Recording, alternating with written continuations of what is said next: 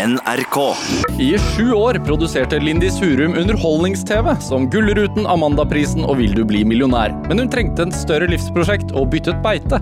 De 13 siste årene har hun vært nødhjelpskoordinator for Leger uten grenser, og utsatt, seg, og utsatt seg selv for sykdom og fare for å hjelpe mennesker i nød i noen av de mest kriserammede stedene i verden. Dette er Drivkraft med Vegard Larsen i NRK P2. Lindis Hurum, hjertelig velkommen hit til Drivkraft. Tusen takk. Hvordan har du det? Jeg har det fint. Ja, ja, du har det fint. Du er, eh, altså, jeg vet at du nylig, ganske nylig har vært i Kongo. Det stemmer. Um, på oppdrag for Unicef. Ja. Uh, men reiste hjem egentlig før du skulle. Jeg reiste hjem før jeg skulle fordi jeg ble syk, ja. Ja. Hva, hva slags syk?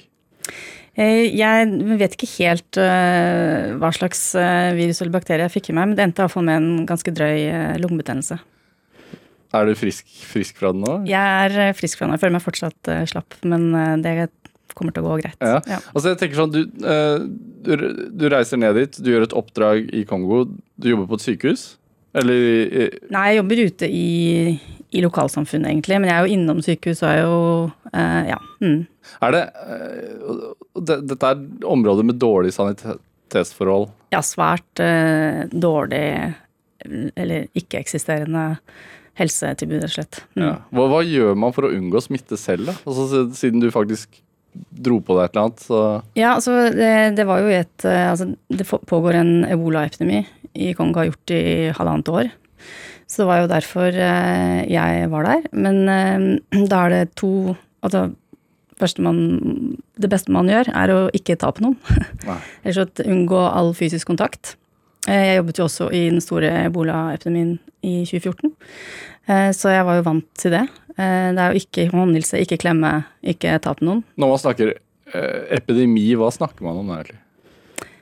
At det er veldig mange som smittes i over en viss periode. som Altså man må inn med ganske omfattende tiltak for å få stoppa det. Mm. Eh, Men det som, en ting er at du ikke, ikke, ikke har kroppskontakt. reduserer jo smittefaren betydelig, fordi det er jo en smittsom sykdom, men det er jo ikke en hypersmittsom sykdom. Det er, det er jo ikke som, altså Influensa, meslinger er mer smittsomt, men man må få inn et sykt menneskes kroppsvæsker inn i min kropp, Ja. for å si det veldig enkelt. Ja. Eh, Så hvis jeg ikke tar på noen og vasker hendene veldig ofte, så reduserer jeg vesentlig smittefaren. Men det andre er jo at nå har vi jo en veldig god nyhet, og som er at det er kommet en vaksine mot ebola. Så jeg tok den vaksinen. Så jeg var ikke egentlig spesielt engstelig for å få det i 2014 heller, selv om det utbruddet var jo mye større og mye mer alvorlig. Eller mange flere som hadde det, eh, ebola. Men nå var jeg egentlig ikke bekymra for det i det hele tatt. For jeg hadde ikke kroppskontakt, og jeg hadde tatt en vaksine. Så da jeg ble syk, så var det noen rundt meg som For jeg hadde jo alle symptomer på ebola. Um, men jeg var heldigvis ikke selv Jeg var hel, ja, så sikker man kan bli på at jeg ikke hadde det. Hva er ebolasymptomene? Det er jo det som er noe av det vanskelige med å stoppe sykdommen, fordi de er ganske like som veldig mange andre sykdommer. Det- Altså, når sykdommen bryter ut, så er det feber, oppkast, diaré, eh, vondt i leddene, sliten, eh, som jo er også influensa, som også er malaria, som også er en hel haug med andre sykdommer. Så, men jeg hadde alle de sykdommene, eller symptomene. Som også kan være en influensa, liksom. Ja, nettopp. Nei, men er det Altså, det at man ikke skal håndhilse, det er ikke lov å klemme antageligvis heller, da. Og, Nei, og det, er- det er vanlige retningslinjer for Leger uten grenser på oppdrag i felt. På ebolaoppdrag så er det et absolutt prinsipp, ja. Mm. Hvordan, hvordan viser man høflighet og kjærlighet og sånn, holdt jeg på å si? Eh, ved å holde hånden på, på hjertet, f.eks. Eh, eller eh, Og skal man også hilse med enten sånn fist bump. Okay. eller Altså man utvikler en eller annen form for, eh, for hilsning uansett. Eh, Merker du at man fordi- har behov for det? Ja, det, det har man. Og derfor skjer det organisk eh, der og da. Også i forhold til den kulturen eller hvordan det er vanlig å hilse eh, i de lokalsamfunnene vi arbeider, da. Ja. Er det jeg tenker det må jo altså Ebola er jo én ting, men det er jo hele tiden frykt for smitte på oppdrag du er på. Altså det er jo det er jo mye sykdom involvert eh, når man jobber på sykehus. Ja, absolutt. Eh, Leger uten grenser er jo, vi er jo, jobber jo kun med, med syke mennesker. Ja. Eh, vi har jo kun det som mandat. Så det er klart, det er jo Jeg er omgitt av eh, veldig ofte veldig syke mennesker. Og det er vel ikke sånn at man Det er ikke som på et sykehus i, i Norge hvor man kan kalle inn en ekstrahjelp hvis man blir syk? Og sendt, og, Nei, eh, det er det ikke. Men jeg har eh, på mine 13 år aldri før blitt alvorlig syk, sånn som jeg ble nå. Um, og så jeg har jo alle vaksiner det er mulig å ta. Um, og jeg tar eh, som regel malariaprofylakse, altså for å unngå å bli malariasyk. Så må man passe seg, og man blir jo veldig opptatt av å vaske hendene. Så å jobbe for Legers grenser er også omgitt ikke bare av syke mennesker, men også av leger. Ja. Eh, så eh, min helse og helsa til alle de som jobber for oss, er jo også noe vi prioriterer. Så når noen blir syke, så får du jo selvfølgelig god legehjelp og blir evakuert raskt hvis, hvis det er nødvendig. Tror du man blir mindre eller mer redd for å få bakterier og sånne ting når man jobber sånn? Mindre. Altså nå var ikke jeg redd for det i utgangspunktet. Eh, men jeg tror når man eksponeres for noe som man er engstelig for over tid, og ser at det går bra, så vil vel man bli mindre redd. Men det er jo noen som kanskje oppdager når de reiser ut at dette ikke var noe som passa for dem. Og det kan man jo ikke vite før man prøver, rett og slett. Nei. Er det Altså, hvordan er det for deg personlig å bli sykemeldt? Du sier du har ikke vært syk ordentlig på 13 år. Eh, nei, jeg oppdaget det nå. Jeg er dårlig på å være syk. Eh, nei, jeg blir utålmodig, og jeg syns ikke det Jeg ble jo innlagt eh, i Goma i, i Kongo i en uke på et sykehus, eh, og det Nei, jeg Jeg blir jo minnet på veldig hvor, hvor viktig det er, og det aller viktigste, egentlig. Er å være frisk. Hvordan var det sykehuset, da? Eh, Det var et, eh, et FN eh, Altså drevet av FN-styrken, så var det et militærsykehus som var omgitt av um, leger og sykepleiere i uh, uniform. Så det i seg selv var ganske spesielt. Er det, altså, du, du kom jo hjem før tiden. Var planen egentlig å feire jul i Kongo? Nei, planen var å komme hjem uh, til moren min til, til jul uh, uansett. Ja. Men har, har det vært sånn at du har, altså siden vi akkurat har hatt julefeiring og sånn, har, har du vært på oppdrag eh, ute i juletidene? Ja, det har jeg flere ganger. Eh, noe jeg liker godt. Ja. Eh, det er en spesiell tid eh, i alle steder. Det er eh, Yes, they know it's Christmas. Det, er, det, det svaret på den sangen er, er ja. Eh, de vet at det er jul. Eh, alle steder jeg har vært, så feire, har det vært feira jul. Eh, og da blir det en spesiell stemning både i teamet og på sykehuset. Så gjør vi noe eh, ekstra spesielt for eh, de som er innlagt, men også for, eh, for de som jobber der. Og. Så det jeg liker egentlig godt å feire jul i felt. Best? Nei, det er to helt forskjellige ting. Jeg liker også godt å feire hjemme. Også fordi jeg vet at mormor blir veldig glad for det. Ja. Så Men har, har, det, har det at uh, livet ditt de siste 13 årene har handlet om mye om å, å, å være på oppdrag for Leger, Leger uten grenser, har det gitt deg et annet forhold til jul? Altså Var det rart å komme hjem til Gardermoen og, møte liksom norske julesteder, Ja. tenker jeg på. det er det. Det er alltid ganske utfordrende å komme hjem. Ja. Uh, og det er spesielt utfordrende å komme hjem rett før jul, som jeg også har gjort flere ganger. Sånn som nå.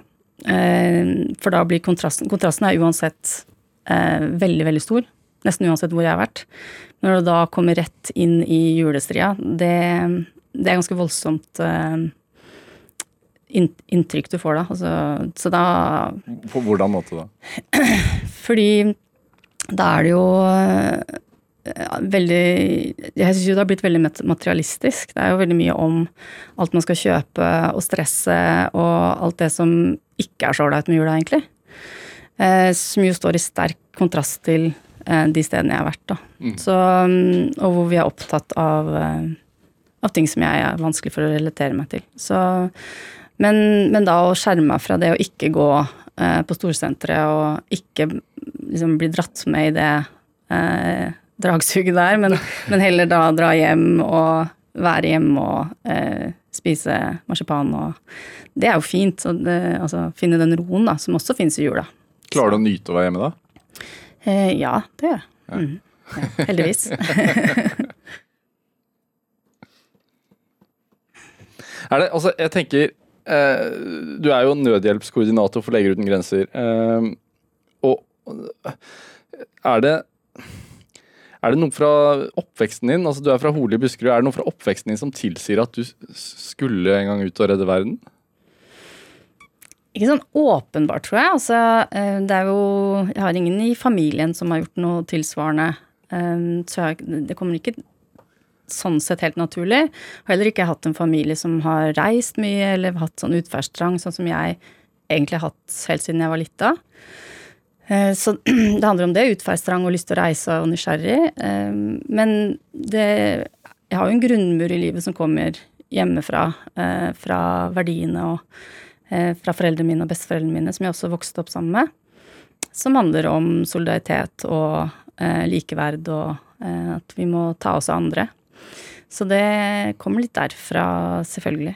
Ja, drev de med noe på, på, på, lik, på lik linje med deg, eller? Nei, altså de levde i det lokalsamfunnet, men jeg hadde en far som var veldig opptatt av å ta vare på også mennesker som ikke hadde så greit eh, utafor vår indre sirkel, da. Um, og så vokste jeg også opp med en uh, onkel min som hadde Downs syndrom. Uh, og han var alltid en helt naturlig del uh, av vår familie. Jeg tror jeg ble nesten i tenårene før jeg egentlig tenkte noe særlig over at han var annerledes enn oss. Så det med at alle har den samme verdi og skal bli behandla på like måte. At mormor nekta å ta han på institusjon, noe som var veldig uvanlig ja, fordi, da han ble født. På den tiden så var det vanlig. Ja. Man blir sett på som Altså man skulle bort, Noe man skulle gjemme bort, eller noe som ja. man ikke, ikke, i hvert fall skulle ta del i familien på lik linje med oss andre, sånn som han alltid har gjort. Ja. Så det, det, er noe, det, er jo verdier, som jeg sier, en grunnmur, da, som, som jeg står trygt på, og som, som helt sikkert har ført til at at jeg endte opp med å ta det valget. Ja. Um, men det er ikke et åpenbar Jeg kommer ikke fra en misjonærfamilie eller noen som har jobbet med bistand eller nei. ikke sånne ting, nei. Men du, fordi du, du utdanna deg jo til å bli eh, TV-produsent. Mm. Eh, studerte media. Eh, hva var drømmen da, da? Ehm. Var det å lage 'Vil du bli millionær'? Nei, jeg ble fascinert av um, jeg, jeg studerte mediekommunikasjon på universitetet, og så skrev jeg en oppgave om um, TV-programmet, første TV-programmet til Anne-Kat. Hærland, for de som husker det. Naiv, uh, naiv lykke. Ja. Uh, og da var jeg i TV-studio for første gang, og jeg ble helt sånn fjetra av det. Jeg er veldig fascinert av det universet og den uh, At det var en jobb. Um, og så har jeg alltid vært glad i å skrive og fortelle historier, og det er jo en måte å er jo en historiefortelling i det. Men det var mer miljøet og alt rundt det som jeg ble fascinert av. Så, um, Hva så, gjør en TV-produsent egentlig, for de som ikke vet det? Jeg er som en prosjektleder for eh, et TV-program. For å si det veldig, veldig enkelt, da. Eh, og så er jo det veldig forskjellig hva akkurat den jobben er ut ifra hvilket prosjekt det er, om det er en dramaserie eller et liveshow eller um, en, ja, et reality-program. Så jeg endte jo da opp med å gjøre veldig mye av store direktesendte sendinger. Som jo er sånn, ikke en lang serie, men at man jobber i måneder opp mot ett mål, og så er det Med ganske mange ansatte, ja. eller folk, et, et, stort team, da? Ja, et stort team og mye penger, og det er jo ikke en kontorjobb, og det er jo um, ganske utfordrende. Eh, veldig uh, krav på at det, det, skal både bli et bra resultat sånn ut på skjermen, men også pengene. og Det er en ganske utfordrende jobb å være TV-produsent. Um, og når det da er direktesending, så må, er det jo uh, høy nerve, trøkk og må ta avgjørelser på kort tid. Så alt det jeg akkurat sa nå, viste seg jo å være en ganske god skole for å bli nødhjelpskoordinator. Ja, det... ja, for det, det, er det jeg lurer på, altså hva som får en TV-produsent eh, som jo da på mange måter deler ut millioner til konkurransesøkende eller konkurranseklare nordmenn, til å da slutte i den jobben og tenke sånn Nei, Leger uten grenser. Det er det jeg skal gjøre. Hva, hva, hva var det som fikk deg til å slutte? Altså, det å være TV-produsent er jo en, for mange en drømmejobb. Ja, veldig. Og eh, kanskje enda mer da enn, enn i dag. Da var det Alle skulle bli noe med media. Eh, og jeg hadde en, en voksende karriere, egentlig. Det gjorde det bra. Ehm, så Nei, det er jo flere elementer, men det begynte med at eh, jeg dro til Senegal i Vest-Afrika og skulle produsere eller lage en, en sånn artistgalla for Plan. Fadderorganisasjonen Plan for TV 2. Og det var første gangen jeg var i et afrikansk land. Eh, og det er litt sånn klisjé, kanskje, men det, det traff meg veldig. Eh, Syns det var helt eh, enormt fascinerende og spennende. Eh, mens veldig mange andre teamet syntes det var bare fælt, egentlig. Og vanskelig og varmt. Og vi skulle jo produsere ut i en liten landsby. og da, det var også det første gangen jeg lagde et TV-program som hadde en større mening enn å bare Underholde. underholde. Hva var det som var spennende? Hva var det du syntes var spennende da?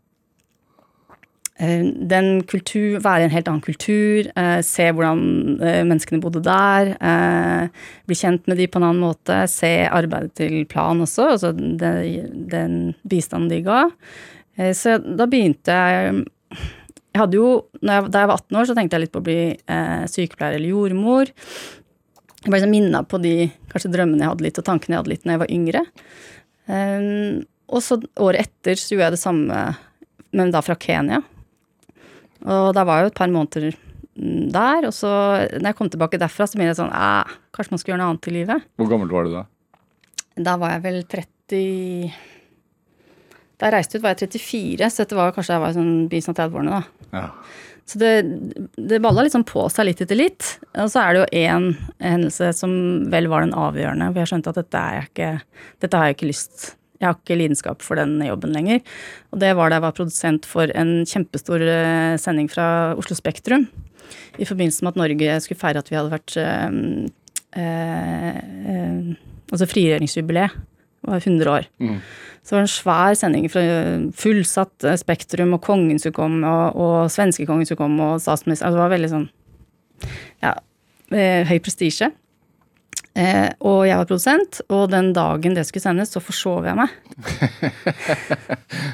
Så mye betydde det? Ja, Ja. og Ikke sånn at det ble noe krise ut av det, men såpass mye at eh, jeg tenkte altså hvis ikke konge og fedreland får meg opp av senga om morgenen uten Så er det kanskje tid å finne på noe annet.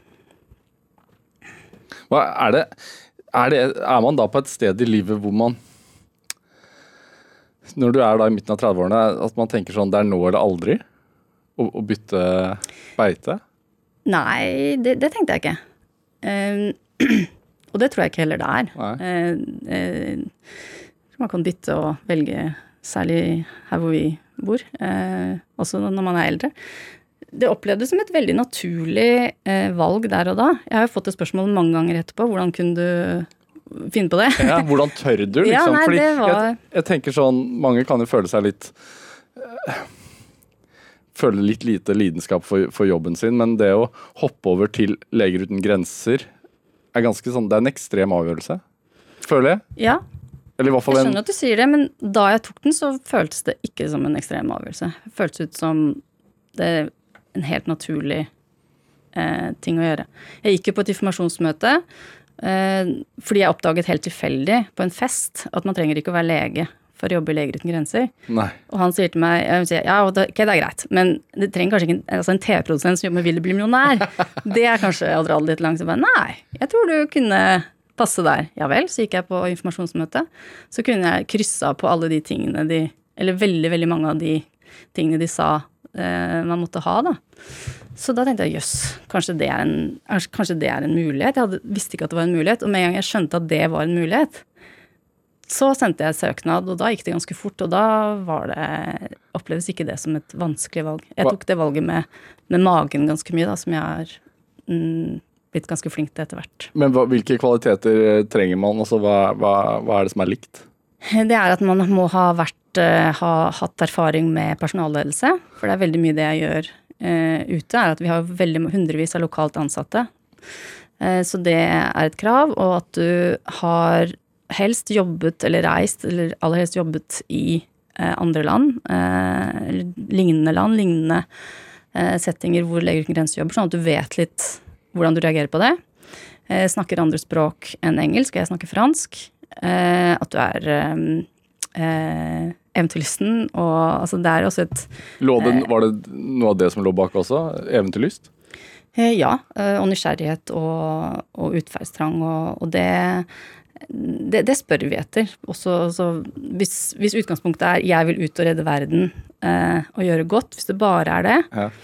så vil det nok bli veldig da, blir, da vet jeg at det blir vanskelig når du kommer i felt. For det, du opplever ikke at det er det vi gjør. Legetjenester redder ikke verden. Vi redder noen mennesker ett om gangen.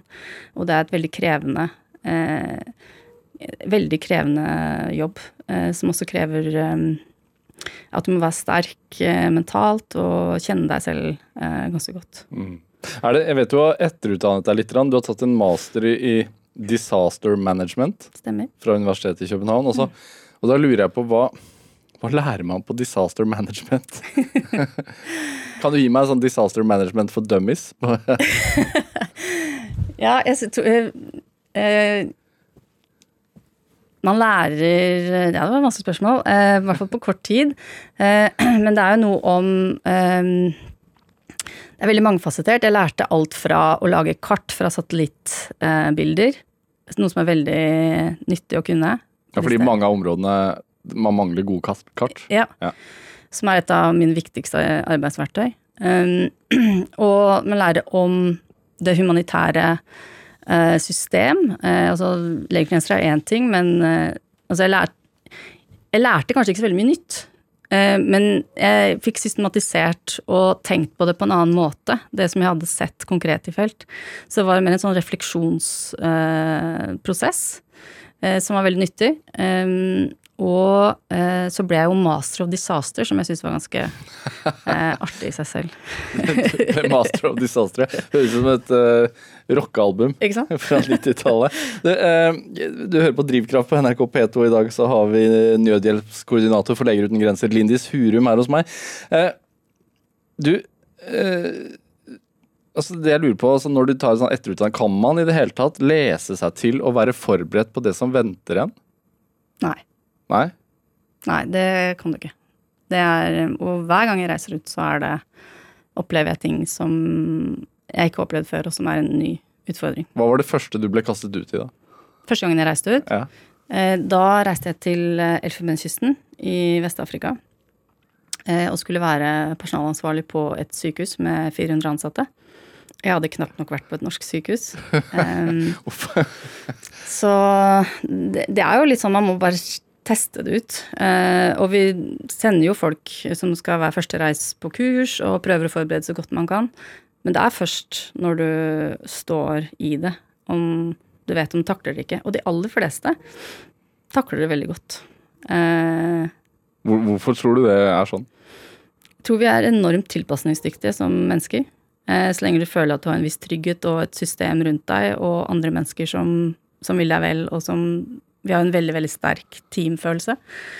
Så kan vi få til helt uh, utrolige ting og bli vant til det mest absurde situasjoner uh, som føles ganske raskt som, som hverdag og vanlig. Men altså, da du reiste til Elfenbenskysten, så, så, så fersk i jobben, hadde stort sett bare produsert TV før. Eh, var, du, var du redd, altså? Angret du på flyet ned? Nei, men jeg angra uka før, Ja. husker jeg. Da dro jeg ned på eh, kontoret i Oslo her og sa altså dere har gjort en feil.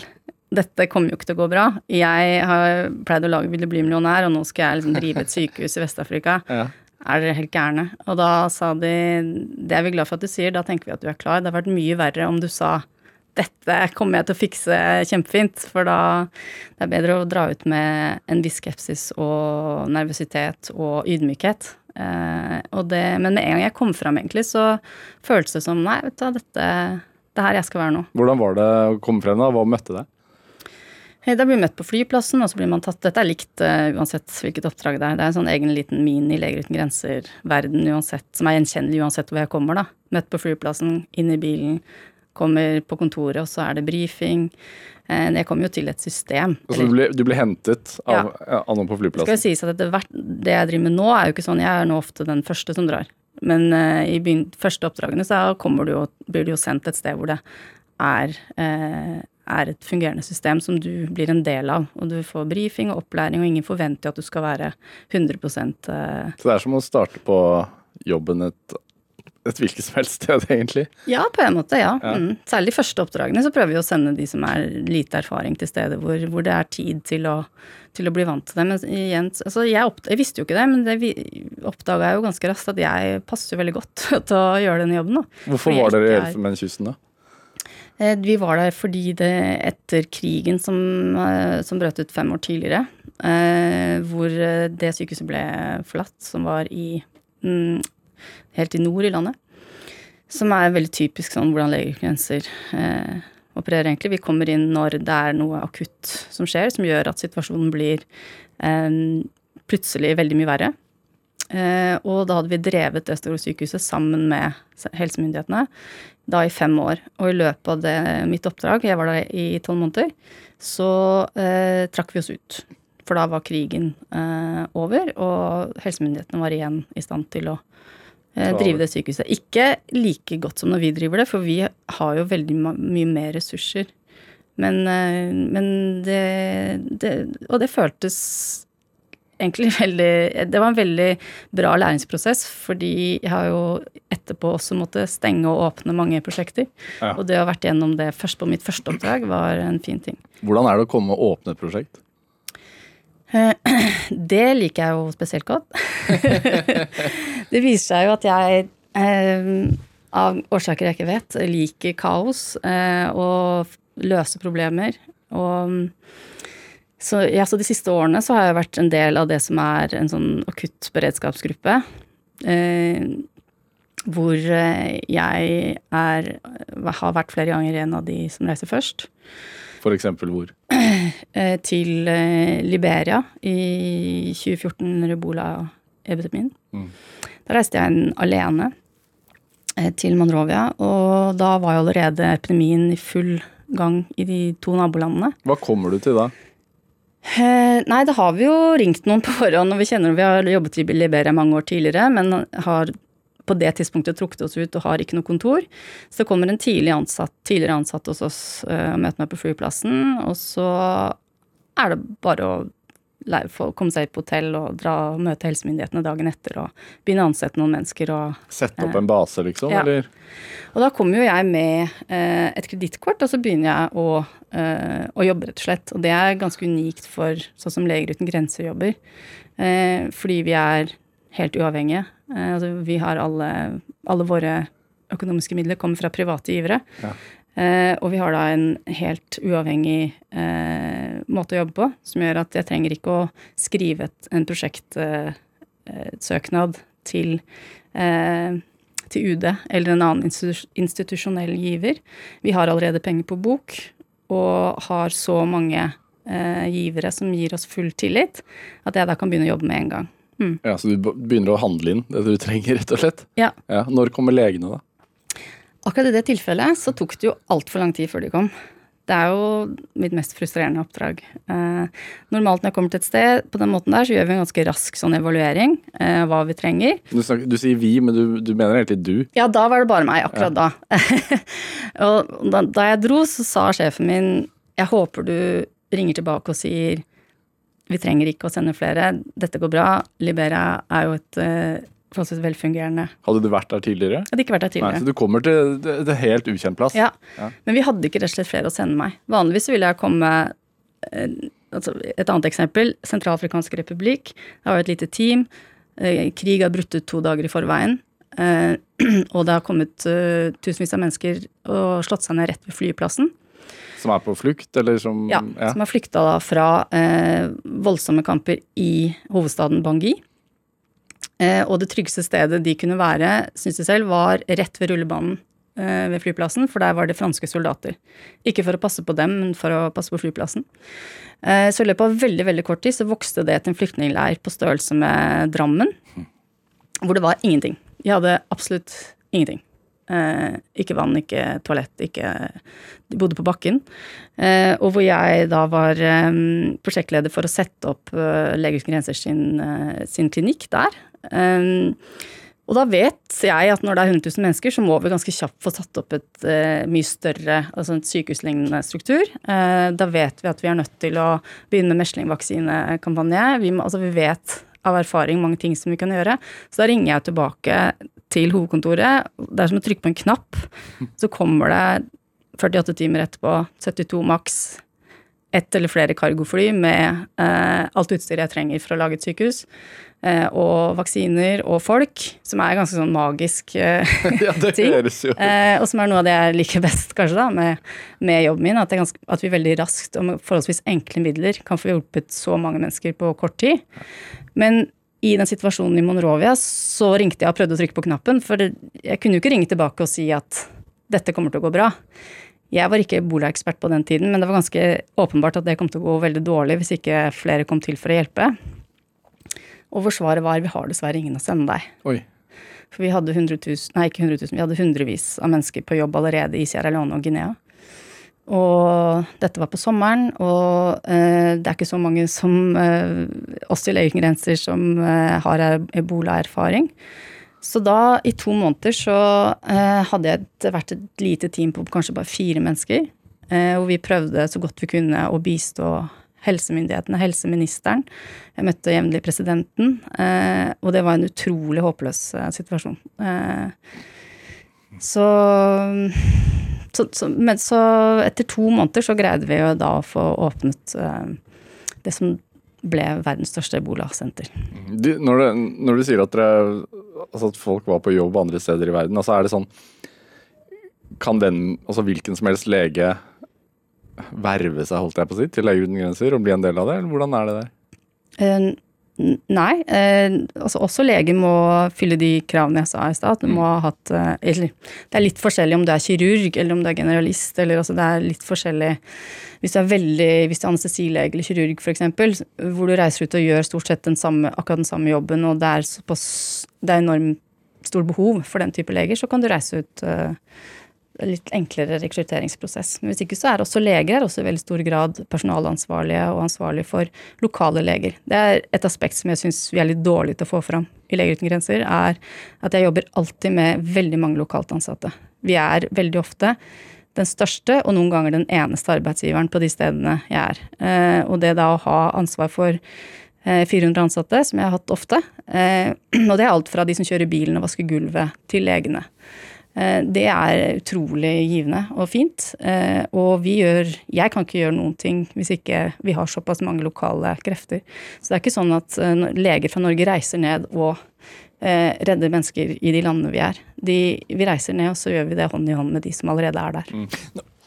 Når det er en sånn Unnskyld. Når, det er, når, du er i en sånn situasjon at dere bare var fire stykk, og, og folk trenger helsehjelp, og du er der som, med ingen helseutdannelse, hva, føler du likevel liksom et behov for å prøve å bidra? Bidrar du på det området også? På det medisinske? Ja.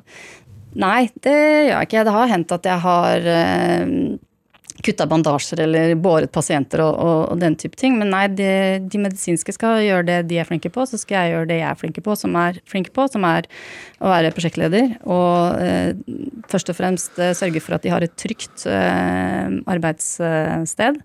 Men også med de ressursene de, de krever. Og jeg gjør jo også veldig mye nettverking. Eh, snakker med de lokale myndighetene der jeg er. Eh, både the good guys and the bad guys. og, nei, så det, det gjør jeg ikke. Men jeg har jo For det, det er man nødt til. Man er nødt til å ha kontakt med myndighetene for å få lov til å være der. Absolutt. Vi spør eh, alltid, og noen ganger blir vi jo bedt om å komme. Andre ganger så, så henvender vi oss til myndighetene, og vi gjør det alltid i tett samarbeid med, med spesielt med helsemyndighetene, da, hvor vi gjør avtaler med dem. Jeg, jeg tenker sånn når du har altså For du har drevet hjelpearbeid i, i veldig store katastrofer, altså jordskjelv i Haiti, borgerkrigsramma Sentralafrikanske republikken, eh, ebola-ramma Liberia og, og også båtflyktningene i Middelhavet. Så er det Når man har denne typen jobb som du har, og har hatt den såpass lenge, eh, i 13 år altså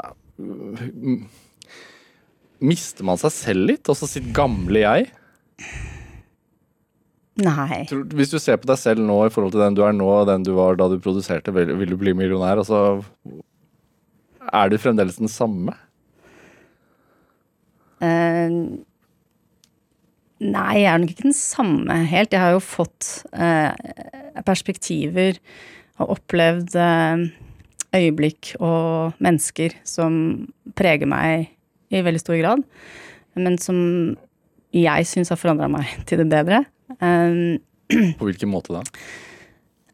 det perspektivet jeg bærer med meg, er ofte ganske tungt å bære, men det er først og fremst eh, eh, rikt og viktig eh, å ha fått det. Eh, så jeg har en annen tilnærming til både mitt eget liv, men også til eh, hvordan verden er skrudd sammen, og hvem, hvem, disse andre menneskene er som bare bor en flyreise unna. Eh, og som jeg da er veldig, veldig sterkt opplever er akkurat som meg. Mm. så jeg er nok ikke den samme, men jeg har ikke jeg har ikke mista meg selv, det, det, tror jeg ikke. Kanskje tvert imot. Nei, jeg mente jo ikke kanskje å miste deg selv, men kanskje, kanskje miste litt av den gamle jeg, altså den gamle seg. Altså at man, man utvikler seg stadig da, som menneske, men, men ja. at, man, man, at, at, man, kanskje, ja, som du sier, da, ser verden litt annerledes. Ja. Har du, har du, har du blitt Syns du verden er Veldig førende spørsmål, men mer, mer, mer kynisk enn det du trodde den var? Ja. Mm. På hvilken måte da? På alle måter. Eh, når man vokser opp i Norge, eh, som jeg har gjort, og bodd i Norge i de 34 første årene av livet mitt, så er det ganske drøyt å komme ut de stedene jeg har vært, og se hvordan det egentlig er. Eh, og hvor Jeg har vært så tett på konkret lidelse og andre mennesker som som igjen er akkurat som meg, men som har ingenting. Og det er veldig ofte på grunn av um, politiske avgjørelser eller uh, en menneskeskapt lidelse. Som jeg var helt skjerma for uh, hele livet fram til da. Ja, Og du har sett mye elendighet også, tenker jeg? Det har jeg. Ja. Det, hvordan lever man med det? Eh, noen ganger lever jeg ganske tungt med det. Vanskelig. Det er vanskelig å komme hjem, som sagt. Eh, da, når jeg står i det, eh, er det enklere. Eh, da oppleves det som meningsfullt og viktig, og tenker ikke over det på samme måten.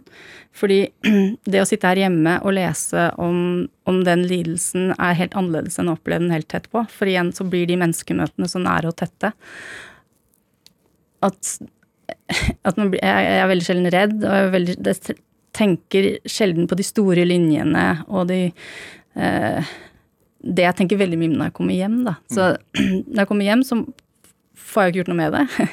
og jeg eh, må bruke tid på å fordøye alt, alt jeg bærer med meg tilbake. Og alle rundt meg har jo ikke det samme perspektivet og ikke opplevd det samme. Eh, mm. Det er kanskje litt uh, slemt å spørre om, fordi da må du gå inn i det. Men, men bare for å liksom forstå, forstå, hva du snakker om, altså, hva, hva, er det som kan sitte i? Hva som kan sitte i? Ja, Opplevelser som, som, man ikke egentlig har kapasitet til å forstå hvis man ikke har vært der. Tja, altså det Skal vi si om Det er um, det er ikke sånn at jeg tenker så veldig mye på avkutta lemmer eller liksom det mest sånn groteske tingene. Det er jo de små, heller kanskje litt mindre historiene.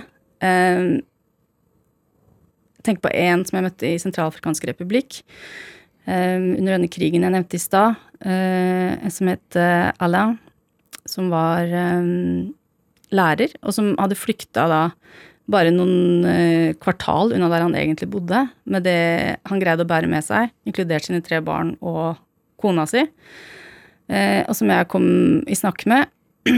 Og utenfor klinikken vår, og så sier han 'kom og se der hvor vi har slått, slått oss ned'. Og det var jo da 100 000 mennesker, eh, bokstavelig talt, som bodde på en veldig, veldig liten geografisk område. Så det var sånn tett i tett. Det var nesten umulig å gå uten å tråkke på noen. Eh, og jeg kom frem der han hadde slått seg ned, og det var da eh, Han satt på et um, lite teppe. Eh, og så hadde han fått tak i en litt sånn slitt presenning som han hadde lagd til et tak med sånne bambusstenger rundt. Eh, Prøvde å skape et Ja. Skapte det lille hjemmet, lille hjemmet. han hadde der. Var ikke noe vegger eller noe, men det, det, dette er min, mitt område. Dette er mitt hjem nå. Og så hadde han skrevet øh, navnet til familien på en litt sånn pappbit som han hadde festa på bambus, eh, den ene, ene bambusstangen. Og så sa han 'kom inn', og så skulle jeg gå inn, og så sier han Kan du ta deg på beina? eh, som egentlig var helt vilt, fordi det var jo gjørme og det Altså Men det viste jo hvor viktig det var for han å ha sitt lille Dette er eh, dette her jeg bor nå. Eh, ha respekt. Og så opprettholde hans behov for å opprettholde sin identitet. Og det gjorde at jeg kjente meg igjen i han på en helt annen måte enn om, om jeg ikke hadde hatt den opplevelsen. fordi det, det er veldig gjenkjennelig det der med å ville ta vare på sine nærmeste, ha et hjem, ha en identitet. Og bevare verdighet og menneskelighet midt i det umenneskelige. Da. Så det er mer sånne historier eh, jeg bærer på, som derfor blir vanskelig når jeg kommer hjem, når disse samme menneskene jeg har møtt, om det er i en krig eller en ebolaepidemi eller på Middelhavet, blir omtalt som om, om de er helt annerledes. Eh, og det, det, det syns jeg er nok mye, mye tyngre enn uh, en andre Kanskje som virker som mer sånn groteske opplevelser. Mm. Mm. Blir du sint da? Ja. ja. Jeg er mye sint. Er det Har du alltid vært det, eller er det noe som har kommet med denne jobben? Nei, det har jeg nok alltid vært. Vært sint og sta, på godt og vondt, eh, siden jeg var lita. Um, og det er et uh, sinne som, som er mye det som driver meg.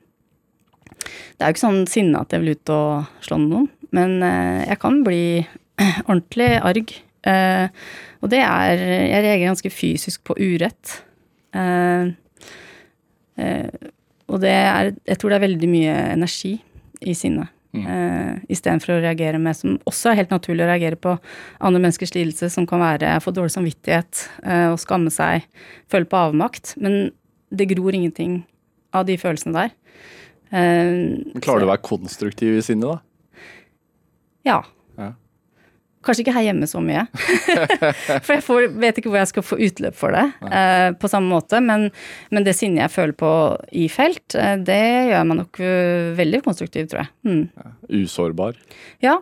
Og jeg er sinna på vegne av andre. Eh, og, vet, og så vet jeg jo heldigvis at jeg kan gjøre noe. Jeg kan få gjort noe konkret for akkurat de menneskene jeg har foran meg nå.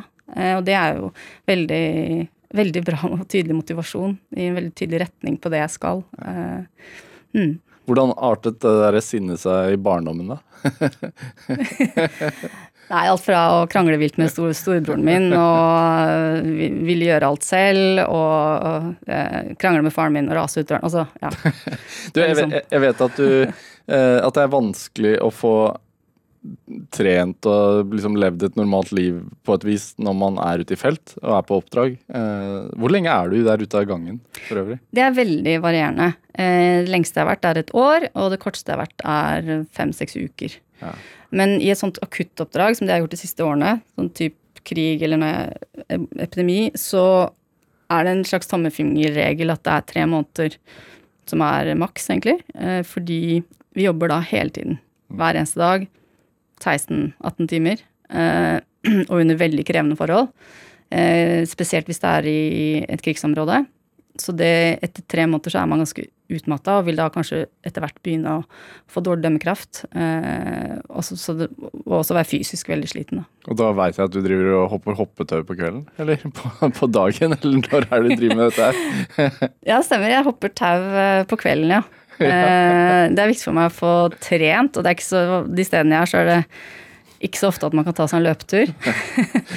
så da har jeg funnet ut at Av sikkerhetsårsaker, rett og slett? Ja, rett og slett. Ja. Mm. Uh, så, men hoppe tau har jeg funnet at det trenger du veldig liten plass. Ja. Uh, det, blir veldig, det er veldig effektivt, du blir veldig fort sliten. For det handler om å få svetta ut og få en fysisk slitenhet og tømme hodet. så det har alltid med meg hoppetau. Hva er rekorden? På hvor lenge jeg hoppa der? Ja, eh, Antall hopp. Å ja. Nei, det vet jeg ikke helt. Men jeg pleier å hoppe det tar, Jeg tror det er sånn Jeg har seks sanger, og så har jeg forskjellig Ja, For du hører på musikk? Jeg hører på musikk, ja. ja da, mm. Høy musikk. Hva hører du på da? Hører gjerne på sinna eh, rock. For noe som står i stil med ditt indre? Ja, rett, rett og slett. Mm. Jeg synes du skal høre på, For du hører på Sex Pistols, sant? Ja, blant annet. Ja, hvis ja. du skal høre, høre, litt på Sex Pistols, ja, så se for oss uh, Lindy Surum som hopper tau på eller annen, et eller annet kriserammet sted i verden. Uffa meg, det var mørkt dette, men også litt søtt.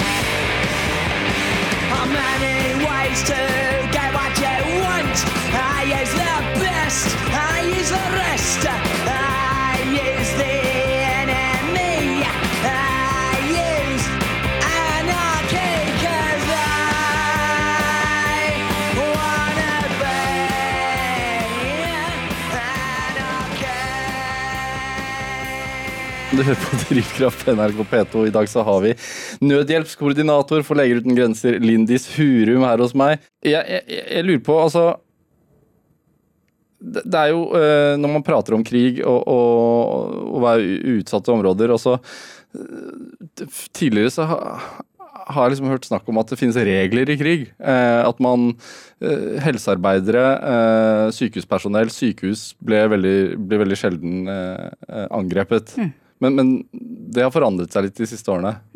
Eh, og og eh, har du merket noe på den dødsfrykten? Eh, Ja, det har jeg. Mm. Jeg jobbet på et sykehus som ble angrepet. Først, altså flere ganger, i Den sentralafrikanske republikk. Og det stemmer som du sier at det, det skjer i, i økende grad de siste årene.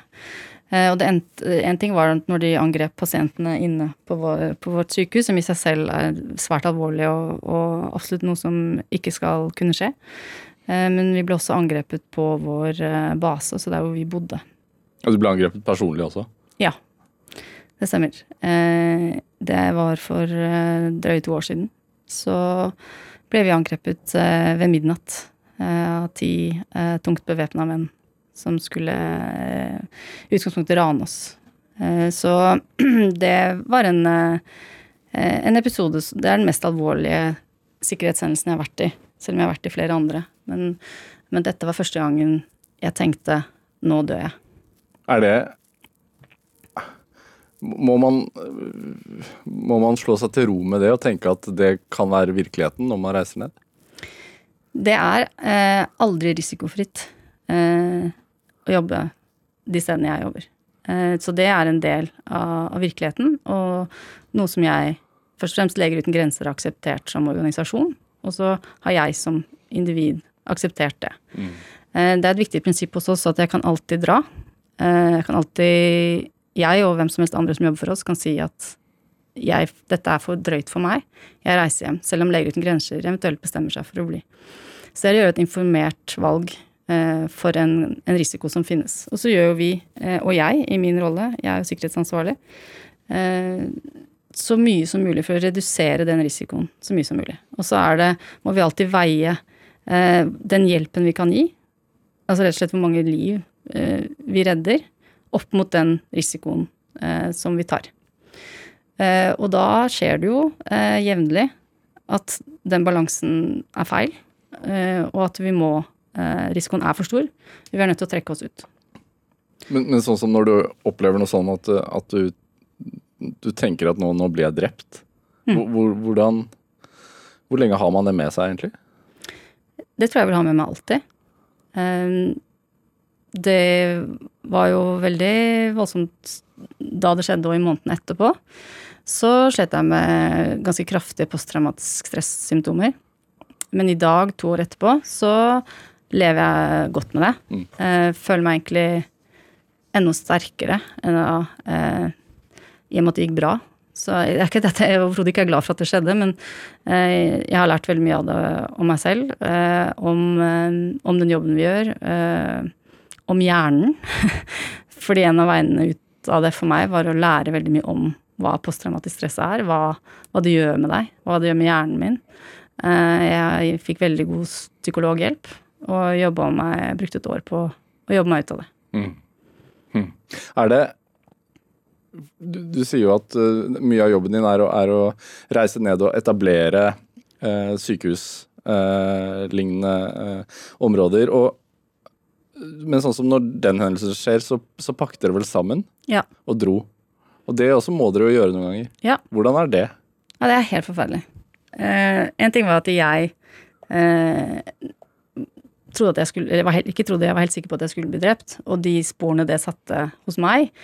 Eh, men det er et dobbelt traume, fordi det, den avgjørelsen jeg da tok, eh, og som jeg kanskje burde ha tatt eh, før, men som er helt umulig å ta, fordi jeg vet at når vi drar, så dør andre.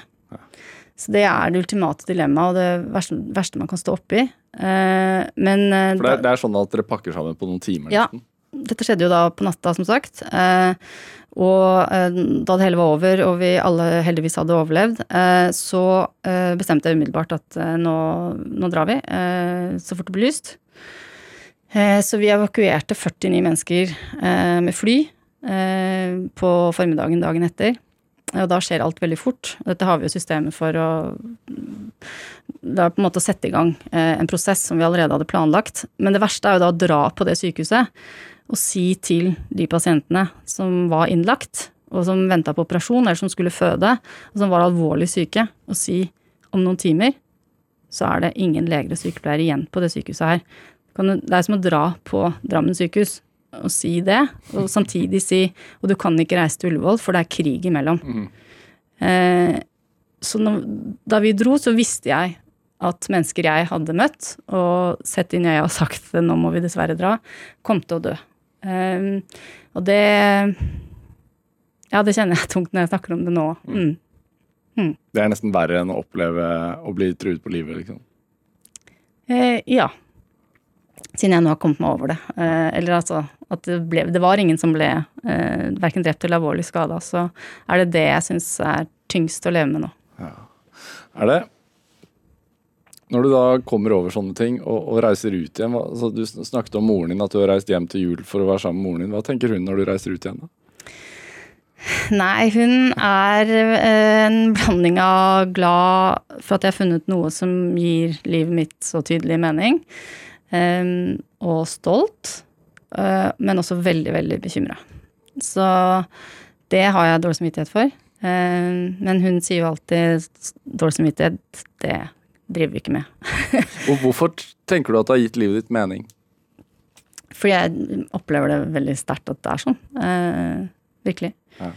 Det å kunne være med og redde andre menneskers liv, eh, reise til steder eh, hvor eh, ingen andre er, og hvor de menneskene jeg møter og blir kjent med, ikke ville fått den hjelpa de får hvis ikke vi hadde vært der, det oppleves som veldig meningsfullt. Ja. Er, altså, du har jo skrevet en bok om opplevelsene dine. 'Det finnes ingen andre, det er bare oss', eh, som kom ut i 2016. Og, det, og tittelen der er ganske beskrivende i seg selv, men hvorfor, hvorfor, tror du det er sånn at vi, vi velger å glemme enkelte kriser? Hmm. Det er nok begrensa hvor mye vi kan ta inn over oss her hjemme, da. Um, hvor mange kriser er plass til, både i media, men også i hodene og hjertene våre. Det tror jeg er veldig menneskelig.